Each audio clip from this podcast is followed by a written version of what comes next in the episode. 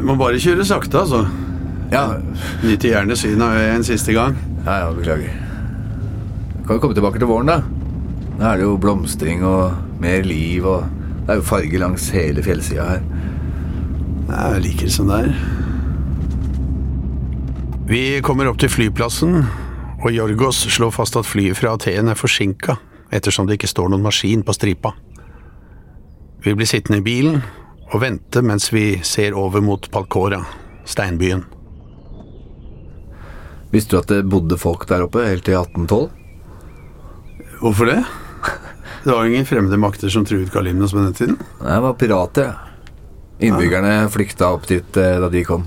Belæringene der som kunne vare i uker og måneder. og Om natta så måtte de da snike seg ned og, til de kamuflerte brønner for å hente vann.